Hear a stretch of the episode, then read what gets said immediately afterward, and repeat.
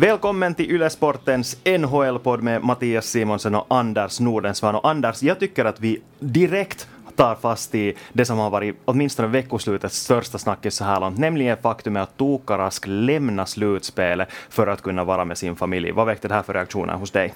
No, första reaktionen var, var såklart en överraskning, ordentlig överraskning. När jag tänkte lite längre på det så kanske det där äh, hans eh, kommentarer där redan tidigare lät förstå att han inte fullständigt laddar. Han sa, var det på torsdagen han sa att, han tycker inte att det är så fiffigt att spela hockey i augusti, ingen stämning, att han tar de här matcherna inte på, på, på så stort allvar. Eh, så jag blev nog ordentligt överraskad och min första tanke var att han har antagligen tyckt så här ganska länge redan. Han har inte i något skede tycker jag varit speciellt entusiastisk. De hade en chans innan de kom till bubblan, spelarna, att meddela att vill de vara med eller vill de inte vara med. Jag tycker det skulle vara ganska hyggligt av honom att i det skedet ge laget en chans att bli, bli liksom du med att de inte har sin första målvakt. Mm. Och det här är ju någonting som har väckt väldigt starka, väldigt, väldigt starka reaktioner bland just Boston-fansen och Boston Media kanske framför allt, som är ökänd för att vara en sån här som genast klämmer gasen i botten.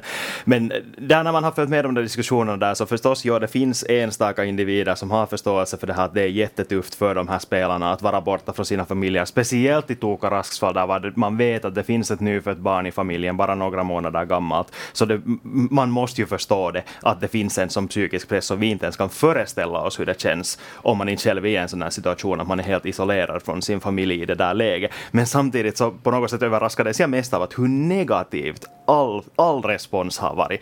Eh, man talar om att han att han sviker laget, mm. att han mm. inte borde få komma tillbaks. Och det som på något sätt har kanske varit det här största problemet, tycker jag, eller det så, så som jag har uppfattat det, har varit det här att han inte snackar med tränaren före det här. Mm. Han snackar endast med klubbchefen, med klubbens president om att nej, det här funkar inte, jag måste bort härifrån. Så efter det, och de här kommentarerna som du nämnde där i den där intervjun då före det här, han, han tog det här beslutet, så kan man dels förstå att det finns, det finns arga reaktioner, men samtidigt jag vill nog hålla fast vid att, att man inte kan kritisera honom. Alltså han har fullständigt 100% rätt i att göra, göra, göra på det här sättet. Och det har ju hela tiden också från NHLs sida har de berättat att ingen ska vara känna sig tvingad att spela under i de här tiderna slutspelshockey. Det ska vara okej okay att hoppa av.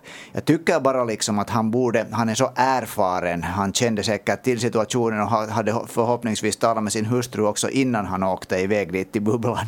Att, att det där det här kanske understryker det att målvakten på sitt sätt, och kanske Tuukka Rask ännu understryker en, en det där individualist. Han är en, en, individuell idrottare i en lagidrott på sitt sätt. Han sköter sina saker och, och han är ju ökänd, eller kanske ökänd är fel ord. Han är känd för att han säger vad han tänker och går sina egna vägar.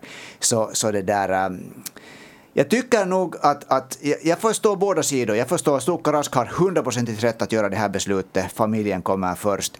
Jag förstår också förundran och besvikelsen på så att säga andra sidan. Mm. Och så har det ju varit lättare för Boston-fansen att vara arga på Tuukka Rask. No, förstås skulle de ha varit det oberoende, det måste man säga. Boston-fansen är så som Boston-fansen är. De är alltid arga, oberoende sport. Men också på, på grund av det att Jaroslav Halak har faktiskt spelat väldigt, väldigt bra i de här matcherna efter det. Uh, han stod för en jättetavla i den här första matchen som han fick starta efter den när han passade pucken rakt åt en Carolina-spelare som sen reducerade matchen. Men uh, nu leder Boston med tre till matcher och, och Halak har varit helt hur bra som helst. Ja, och tänk om det går på det sättet att Boston går hela vägen och vinner Stanley Cup. Mm. Då blir det andra gången som Tuukka Rask vinner Stanley Cup utan att egentligen ha haft det där avgörande målvaktsansvaret i, i slutspelet. Det, det, det skulle vara på något sätt en det där ganska otrolig grej. Och det är också någonting som fansen just nu vill, eller det är många fans som inte tycker att hans namn borde finnas med på Stanley Cup. Det hade inget att göra med. Nej, exakt. Men ändå, och sen också det att man redan nu tar ut segern. Här vi leder över Carol mot Carolina med 3 i matchen. Vi kommer att gå hela vägen och Tuukka Rasks namn ska inte finnas med på bucklan när vi en gång har vunnit den. Så, mm. Men hur känns det annars? Känns den avgjord den här matchserien? Som sagt, 3 i Boston och Carolina har inte varit så farliga som åtminstone jag förväntade mig att de skulle vara. No, det ser lite ut så där som jag hade befarat, befarat att det skulle se ut, eller tänkt att det skulle se ut, att Boston greppar det här. De har ett sånt järngrepp, de har, de har sin otroligt erfarna och tuffa lagmaskin som bara kan liksom ta luften ur Carolina, Carolinas spel. Jag tycker att Carolina hade sina jättebra chanser. De skulle ha kunnat, det skulle kunna vara åt andra hållet också, men, men det där, nu när det är 3-1 så är det ju nog en jätte, jättehög backe att kliva upp på. Att Boston skulle släppa en 3-1-ledning. Nu är Jordan Stahl antagligen borta också. Han, han fick boxeras ut från, från rinken. Och Andrei Svetjnikov, och, och det ska vi verkligen inte glömma. Nej, nej, så att det där, nu är det, nu är det, nu är det tungt. Men man, det har hänt förut också. Mm, tre segrar på raken, inte det helt omöjligt, men det känns ju nog faktiskt som att det här är Boston som kommer att gå vidare från Får jag fråga en grej? Absolut. Tror du att vi kommer att se Tuukka Rask ännu som Boston-målvakt? Det är en jättebra fråga. Det är en jättebra fråga. För coachen sa ju faktiskt, han sände ju signaler i den här första intervjun efter att Rask lämnade bubblan. Så sa han ju att det är någonting som de måste ta sen när det blir aktuellt. Ja, och, och det, när man vet hur diplomatiskt saker alltid sägs liksom utåt, så låter det nog som under ytan kokar det kanske där ganska ordentligt. Att mm. få se. Det, det, är inte, det är inte en lätt sits för, för Rask att komma tillbaka till, till, till Bruins omklädningsrum. Nej, verkligen. Och speciellt om han lagspelar så bra som han gör nu så vet man att man, man i princip redan har den där målvakten som kan vara första målvakt. Mm. Nu visste de ju den tidigare. Halak har fått spela mycket, har spelat väldigt bra. Så väldigt bra fråga. Återstår att se. Det verkligen.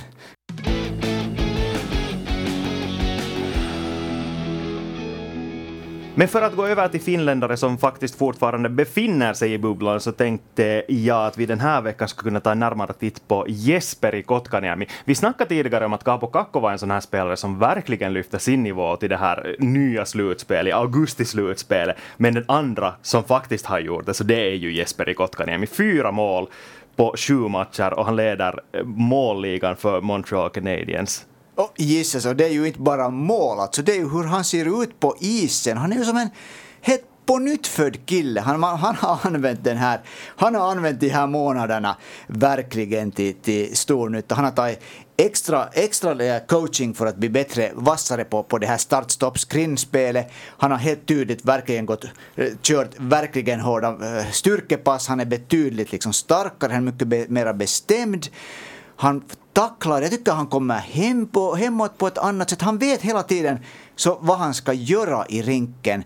Och det som jag är imponerad av, alldeles, jag är imponerad av en massa grejer med honom, men det här som, som vi har talat om Patrik Laines skott, vi har talat om Mikko Rantanen skott, Jesper Kotkaniemi har ett helt otroligt handledsskott och han skjuter iväg det utan, att, utan någon förvarning överhuvudtaget. Mm, och prickar dessutom väldigt bra. Dessvärre är den senaste matchen endast stolparna, men ändå. Nu har han ju varit fantastiskt bra. Och eh, jag tycker att man snabbt kan sammanfatta hans läge. De flesta känner ju till varifrån han kommer och hur hans läge ser ut, men ändå bara snabbt gå igenom det. Draftades alltså som trea overall, som tredje spelare överlag, som första center till ett lag som Montreal Canadiens och då är förväntningarna skyhöga. Du ska vara en spelare spelare som blir en ledande center i det här laget. Och det hade han kanske, han visade sådana takter under sin första säsong. Sin andra säsong tog han, får väl säga, minst ett steg bakåt, skickades ner till farmen, spelade i princip grundserien slut där och återvände nu då när slutspelet började fick han kliva upp till den här NHL-truppen igen och han har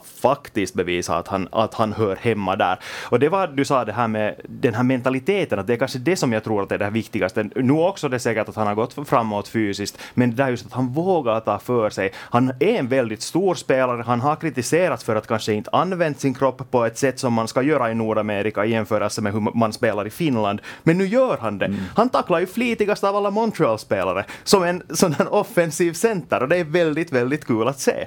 Han har en sån här swagger i sitt spel nu. Man ser han kommer, han käbblar efter, efter visslingarna, han, han liksom tar inte steg bakåt. Och han, när han, går, han, och han är ju svår att flytta nu där, bort framför målet. Han är, han är jättebra där. Och det som jag tycker att är jättebra när NHL Mm, det här, det här närkampsspelet har ju hemskt mycket blivit det att, att det är en grym fäktning med klubborna. Att man ska, man ska vara snabb med klubban, man ska vara stark med klubban. Och det tycker jag att han har varit helt jättebra. Det är ofta som han kommer ut med den där pucken eller får den vidare, vidare flyttad till ett, till ett det där skott. Att, att, han har verkligen utvecklats till en sån här, tycker jag, modern, modern NHL-spelare. Uh, äh, och, och det där uh, så ska vi komma ihåg, du sa att, att första, för han var 18 år när han kom, när han började i, i det där i, i Canadiens. Han är nu 20 år. Han är 20 år gammal nu, så de här förväntningarna liksom, det, de är ju uppe i skyarna egentligen nu när man ser hur han spelar som 20-åring slutspel. Mm. Men samtidigt så, det har på något sätt så förvrängts i NHL, de där förväntningarna, mm. när man tittar på hur de här vissa nykomlingar har kommit in till ligan och bara tagit för sig. Det som man väldigt mycket gör i Kanada, eh, eller har gjort de här senaste säsongerna, är ju att jämföra Elias Pettersson med Jesperi Kotkaniemi. Ja. Och att det på något sätt har varit ett bevis på att Vancouver valde rätt. De visste nog vem de valde när de tog Elias Pettersson och Jesperi Kotkaniemi är ju typ den sämsta spelaren någonsin. Men nu senast i det här slutspelet har han nog faktiskt cementerat sin plats eh, som en av Montreals viktigaste forwards, för det är han ju just nu och det märker att tränaren också. Eh, om vi tar den här sista matchen mot Philadelphia som exempel, så då fick han ju spela under de här sista minuterna när de desperat jagade en kvittering utan målvakt. Så då var han ju där, han fick spela, han fick viktiga, viktiga lägen där just framför målet men lyckades inte klämma in pucken. Så nu är det ju ett bevis på att eh, han nu börjar infria de här höga förväntningarna som är ännu högre än normalt i just Kanada och just Montreal. Mm, ja. Och han spelar mest av alla forwardar i Montreal i den här tredje matchen. Han spelar över 19 minuter. det är ganska häftigt. Eh, Elias Pettersson är visst äldre än, än Jesper Kotkaniemi, är det inte så? Jag tycker att han är född, eh, han är, han är, han är det där över ett år äldre än Jesperi Kotkaniemi. Och Elias mm. Pettersson är ju en, om man nu jämför med honom, när det alltid går till de här absoluta jämförelserna, Elias Pettersson är såklart en helt otrolig talang och kommer att bli en av de bästa spelarna i NHL under de följande, följande tio åren. Men det finns ingenting som inte hindrar att Jesperi Kotkaniemi också hör till den gruppen som man talar om tio år som en av, en av 20-talets definierande ho hockeycentrar. Mm. Och eh, det var på något sätt bara så talande. Jag såg här på, på Twitter för någon tid sedan, eh, efter någon av Vancouvers matcher, där var Elias Pettersson helt enkelt tappade balansen när han blev tacklad. Så var det någon som kommenterade att ha, här såg han ut som Jesper i Kotkaniemi. Så det är liksom på den nivån som det här snacket har varit. Eh, men annars då, Montreal ligger under mot Philadelphia, men eh, inte de verkligen uträknade den här matchserien. Jag är grymt, grymt imponerad av Montreal och jag måste ju säga att jag, jag ska nu lyfta handen upp. Jag gillar Montreal. Jag har varit Montreal-fan i, i 40 år. Säger han där som har en Montreal Canadiens t-skjorta på sig när vi snackar om det. Så, men, men de har ju varit usla emellan. Nu är de, de är härliga att, att, att, att se. Det är ju inte det här laget fyllt av, av stjärnor, men så, så de skrinnar. Jag tror inte att ett enda lag för tillfället, inte ens Columbus, uh, har samma arbetsnivå som Montreal hade. Uh, speciellt i den matchen som ni vann, den här match två mot Philadelphia. Det, det rörde sig, den här femman rörde sig som en sån här levande organism, som ett, som ett, liksom ett moln med fem knutpunkter som emellan, emellan töjde på, emellan krympte ihop och rörde sig hela tiden som en enhet. Och jösses så de, de for iväg snabbt och så de kom hem, hem tillbaka. Och så de skapar skott. Att det var någon, jag hörde någon som sa att nu tog Philadelphia Flyers, nu visar Philadelphia Flyers i den tredje matchen att de liksom är är det laget som, som dominerar den här. Men jag vet inte om vi har sett på samma match. Montreal sköt en massa skott mera än Philadelphia och hade kling, kling, kling, kling fyra stolp ribbskott som alla gick förbi uh, Curry Hart i målet. Han skulle inte haft en chans att ta dem. Det råkade eh, vara, vara stolpe ut. Den matchen slutade 1-0 till Philadelphia ja, vi har, de som tycker att Philadelphia tog över den där serien så har inte sett på samma match som jag. Mm. Och det var en snack inför den här första omgången, eh, eller den här play-in-omgången där man spelar mot Pittsburgh Penguins om att de kommer in som underdogs. Ja, men Pittsburgh tycker jag att det här året har varit överhypat. Philadelphia däremot var av orsak hypat inför den här första slut, riktiga slutspelsomgången och där har Montreal faktiskt bjudit upp till dans, så det tycker jag att det är väldigt roligt att se. Och så ska man inte heller glömma att de faktiskt har haft någonting i laget. De hade det här här Claude Julien som hamnade åka till sjukhus på grund av bröstsmärta. Jag vet inte om det har kommit fram exakt att var det faktiskt en hjärtattack eller om det var någon annat. De kanske inte vill gå ut med det. Men med bröstsmärtor oberoende, så de vill visa åt sin tränare att hej, nu spelar vi för dig och vi kommer att slå ut det här laget. Det här är det här klassiska, speciellt kanske av någon orsak är det alldeles understrykt i, i det där i nordamerikansk idrott. När det kommer någon sån här, någon, någon motgång som laget på, går på, så då brukar det ju, det brukar ju alltid svetsa ihop dem efter det. Att det, det där, det, det, det har du definitivt. Det, jag, såg, jag tänkte samma sak när jag såg den här matchen som de då vann, när de, de totalt total dominerade den matchen, att det här var liksom, de spelar för Julien där. Mm. Eh, det finns ju andra finländare i laget också. Joel Armi och Arturi Lehkonen. Vad tycker vi? Vad, vad tycker du? Hur, hur, tycker du att det har sett ut så här långt? Ja, jag är helt, eh, för att säga samma sak igen, jag är helt grymt imponerad och så glad över Arturi Lehkonen som jag tycker att det är en härlig spelare som alltid kommer, han ger alltid hundra. Han har gjort det sen, jag vet inte, sen han knatteåldern antagligen. Vi minns säkert att han var skyttekung när Frölunda vann mästerskapet 2016. Han blev jättepopulär i Sverige, i Sveriges bästa hockeylag egentligen, hockeyorganisation. Han har kommit in till Montreal, han har haft förväntningar på sig, han har hela tiden varit, tycker jag, bra. Han har, varit, han har inte behövt sitta på bänken egentligen där. Men nu i slutspelet så tycker jag att man ser hans bästa sidor. Man ser den hans otroliga intensitet. Han, han är det där på varje puck, han är varje byte ger han allt och han har alltid ett småleende på läpparna. Och det var ju han som gjorde segermålet i serien mot Pittsburgh. Mm.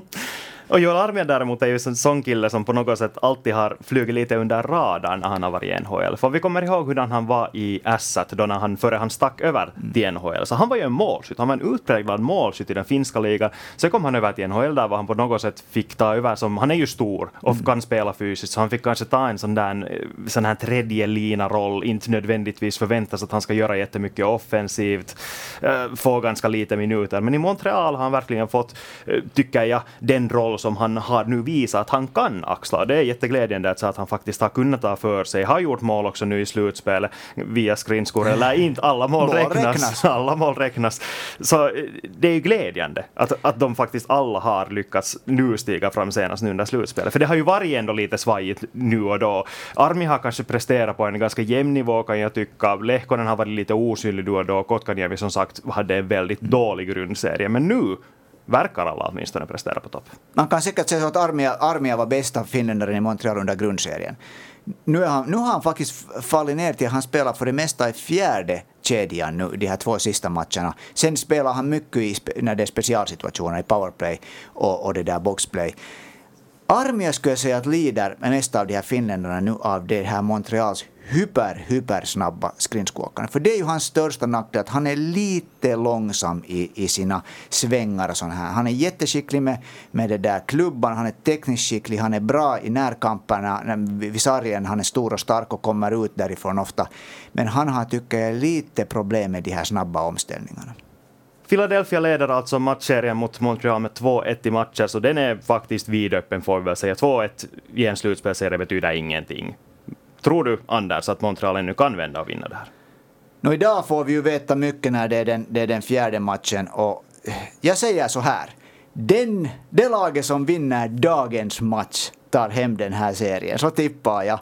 Men med det sagt så är ju Philadelphia fortfarande en glödhet favorit till att kanske komma åtminstone från östra konferensen till, till Stanley Cup-final, medan Montreal var sista laget av alla att komma. Det var 24 laget av 24 att ta med sig till slutspel, så Philadelphia ska ju nog vara laget som tar hem det här. Men som det ser ut för tillfället så tror jag att dagens match blir en sån här verklig, ett, ett vägskäl för hur den här serien ser ut.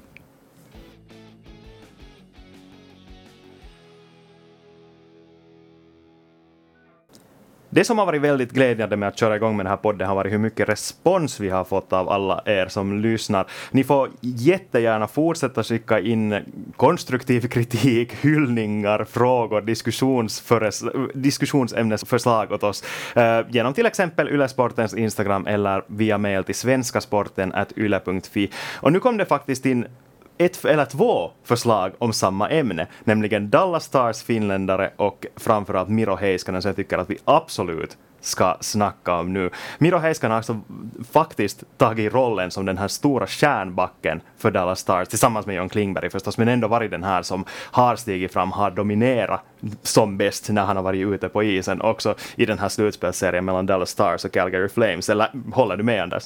Ja, när den här veckan började så ledde Miro Heiskanen backarnas poängliga i NHL-slutspelet. Han är 21 år gammal. Det var liksom, jag måste riktigt titta på det två gånger det, det, där. Och det är, ju inte, det är ju inte ett misstag på något sätt. Han är ju helt tydligt och det, är inte, det här är inte, tycker jag, någonting nu med, med de här våra, våra nationella glasögon. Det här hör man också från, från nordamerikansk media. Han är Dallas ledande spelare för tillfället. Han är motorn i deras spel. Och hans, Han har varit en fantastisk skridskoåkare redan i flera år. Han blir, tycker jag, hela tiden bättre. Det ser lättare ut. Och det där självförtroende som han har och självförtroende som har, han har haft ett grymt offensivt självförtroende länge. Men nu tycker jag att han är så bestämd i hur han spelar också på, under den e-, egna blå linjen. Han tar, gör sådana mottacklingar. Han åker fast forwardar som är på väg, på väg att rycka ifrån till en rush och bara tar pucken bort av dem. Han, alltså det är helt... Jag tror inte att vi någonsin, någonsin har sett en sån här finländsk back. Alltså, försvar i all ära, men jag tycker nog faktiskt att det där sättet som han, som han åker skridskor när han har puck, det är helt otroligt. Att, sättet som, att göra det i grundserien är en sak, men att göra det i ett NHL-slutspel är en helt annan sak. Det motståndarna försöker alltid på något sätt, där, där går motståndarna in mycket mer för att förstöra den andra spelen, att kanske mera försöka slipa på sina egna grejer och, och vinna pucken kanske snabbt, utan istället bara täppa till där vid blålinjen. Och ändå lyckas han vara en sån där som lyckas föra in pucken in i offensiv zon, lyckas föra den genom det här, den här djungeln av mm. klubbor och alltid hålla den, alltid föra den vidare till, till, en egen, till en lagkamrat. Och det är på något sätt så fantastiskt att se att en finländare, att vi äntligen har en finländsk bak med, med alla de där kvaliteterna som, som Miro Heiskanen har. Och, och så är det ju att han får sina, han får ju, det är jättesällan som han dräller med pucken. Han får den fram, liksom, han, han passar den till, direkt på klubbladet. Han tar emot passningar jättebra. Han gör...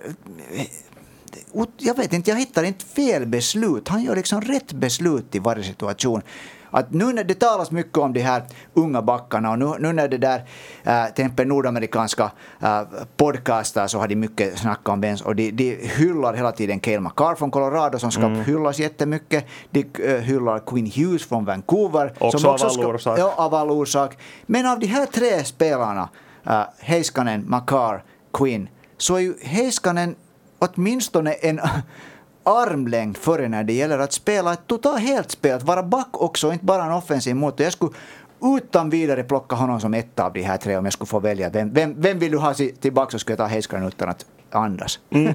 Alltså det var en, en sån här uh, sekvens i en match, nu kommer jag inte exakt ihåg vilken match det var, men det var en sekvens där Heiskanen bara höll puck och det fick mig på något sätt att tänka på, kommer du ihåg då när Erik Karlsson spelade i Jokerit ja. under lockouten, hur dominant han såg ut då? Och nu såg Miro Heiskanen i mina ögon lika dominant ut i ett NHL-slutspel och det är så på något sätt fantastiskt oförklarligt att man inte ens vet vad man ska säga. Men också här finns det ju andra finländska spelare. Esa Lindell inte alls, har inte alls heller spelat dåligt fast han har kanske nu hamnat i skuggan av Miro Heiskanen får vi väl säga. Roope Hintz har också varit bra, stabil. Joel Kiviranta har fått spela matcher. Vad tycker du om dem? No, uh om jag börjar med Lindell, så Lindell har ju, alltså han spelar ju i par för det mesta med John Klingberg. John Klingberg är ju också på, på Heiskanen nivå. Mm. Han är ju superbra. Han är ju, eh, hör definitivt till, till NHLs bästa sådana här offensiva backar. Och där tycker jag att Lindell, speciellt i slutspel, hans roll blir ju mer och mer den här helt tydliga att det där att han sköter om det där, han är den här säkrande backen. Fast han gav faktiskt en passning till det här segermålet på, på förlängningen senast. Han är Esa Lindell. Jag tycker han har blivit en sån här han har blivit en sån här det där garantiprodukt. Han är stor och stark och säker. Och det där är en back för han är en back för andra, andra eller första paret som den här försvarande backen. Jag är lite, väntar lite mer med, av, av Rope Hintz för tillfället. För jag tycker att Hintz, uh, äh, han hade de här första matcherna så han på något sätt, han, han var inte riktigt tycker jag, koncentrerad. Och, och han hamnar ju också neråt hela tiden. Han börjar ju som första center där. Men nu i den här sista matchen, i, speciellt i andra halvan, så där körde han. Han hade målchanser. Han var liksom, där tycker han såg ut som han såg som bäst ut förra vintern. Mm. Alltså med Hins blir det ibland sådär att, som man säger på finska, vauhti sata äly nolla. Att man har full fart men tänker inte riktigt efter vad man gör. Ja. Och jag tycker att det ibland ser lite ut som med just Roope Hintz. Och kanske det finns ändå något med det här med, med slutspel, att laddningen är så stor att man bara hoppar in på isen och bestämmer nej, nu kör jag. Och så liksom klämmer han gasen i botten och far upp. För han har ju fart, det är det mm. som hans styrka är.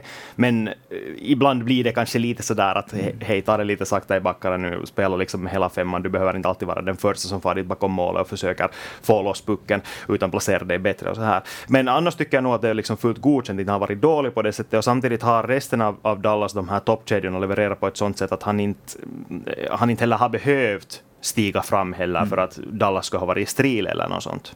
No, det har ju, alltså Dallas, Dallas forwardtrupp har ju inte gjort så där hemskt, hemskt bra ifrån sig, åtminstone om man ser på, på poängen. Att, att det är nog backarna som är de bästa spelarna egentligen. Mm. Nu gjorde ju Joe Pavelski som, som det där gjorde ja, hattrick. hattrick.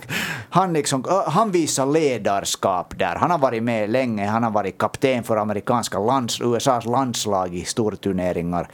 Han hade sagt på bänken åt tränaren och, och det där att, och, att, um, att hej, att sätt in mig. Jag känner att jag kan avgöra det här. Han, han, det där, han, han visar ledarskap. Men annars så tycker jag att att det har varit lite, jag är inte fullständigt imponerad av hur de här äh, Dallas kedjorna fungerar för tillfället. Och Hintz kanske, om vi går tillbaka till Hintz så det var ju ett jätteansvar han fick plötsligt att han såg sig själv som första center i slutspelet för Dallas som ändå talas om en av de här lagen som i princip kan gå hela vägen.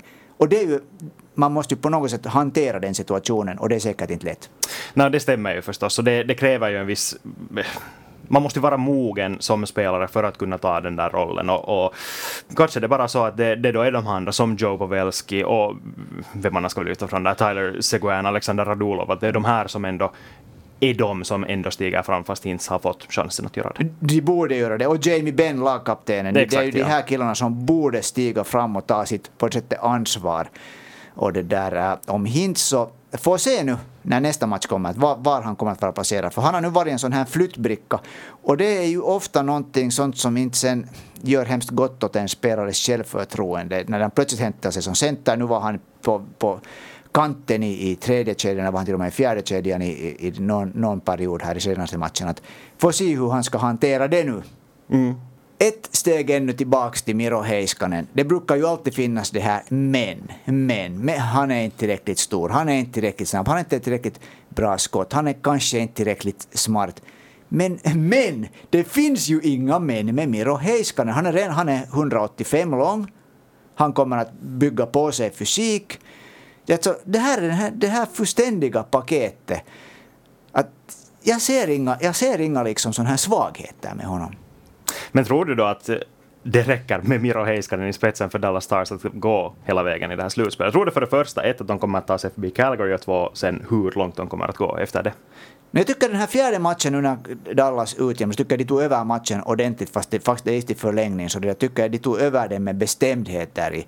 Och om de fortsätter med samma spelkoncept, jag tycker de på något sätt de hittar sitt spel mot Calgary. Så jag tror att, att, att de nog kommer att ta sig förbi Calgary. Det tror jag. Sen är det helt omöjligt att säga om fortsättningen. Svårt har jag nog att säga att Dallas vara det laget som går till final från västra konferensen. Det ska jag säga. Det tror jag inte på. Nej, jag håller med. Jag tycker att både Vegas och Colorado ser mycket, mycket starkare ut än, än vad Dallas ser ut just nu åtminstone. Men som sagt, det kan ändra. Det kan vara att Dallas spelstid är som gift åt de andra topplagen. Uh, men jag håller med om att de kommer att ta sig förbi Calgary. Jag tycker inte att Calgary imponerar mot Winnipeg. Jag tycker inte att de har imponerat värst mycket nu heller. De har, alltså, de har ju vunnit två matcher, så har de självklart spelat bra och de har bra spelare. Men jag tror inte att det räcker till att, att ta hem hela slutspelsserien mot Dallas. Om de lyckas göra det så tar det nog senast slut sen där. Att jag, jag vet inte, att Calgary har på något sätt för mig känts som ett jätteöverhypat lag de här senaste åren till och med. Till och med då när de vann västra konferensen var det lite så att nej, det här är inte hållbart. Det här sättet som de spelar, så det är inte, det är inte byggt för slutspel. De gör många mål i grundserien, ja, de har många unga, äh, ska vi säga sådana spelare som kan blixtra till nu och då, men det behövs något mera. Det behövs något mera än bara en Milan Lucic som kan vara den här som går och buffas fram framför målet för att det faktiskt ska gå hela vägen. Och, och, det där, um, ja, eller Matthew Tkachuk som, som är ganska bra på att enervera motståndare. Men han har varit borta nu? Han har, han, var, han har varit borta nu i två matcher, ja, han hamnade bort i mitten på den tredje matchen. Mm. Det där, uh, ja, på något sätt har det känts som att Calgary vann de där två matcherna för att Dallas underpresterade. Mm. Och det är ett ganska bra bevis på, eller det är, ska vi säga så, en sån mätare som visar att de knappast kommer att gå hemskt långt. Så var det dags att avrunda det här avsnittet av Ylesportens NHL-podd. Och som sagt, om du har någon fråga eller något eh, förslag på ämne som du vill att jag och Anders ska diskutera så är det bara att skicka in på till exempel Ylesportens Instagram eller svenskasporten.yle.fi. Vi är tillbaka nästa vecka. Tack för att du lyssnade. Tack ska du ha. Hej!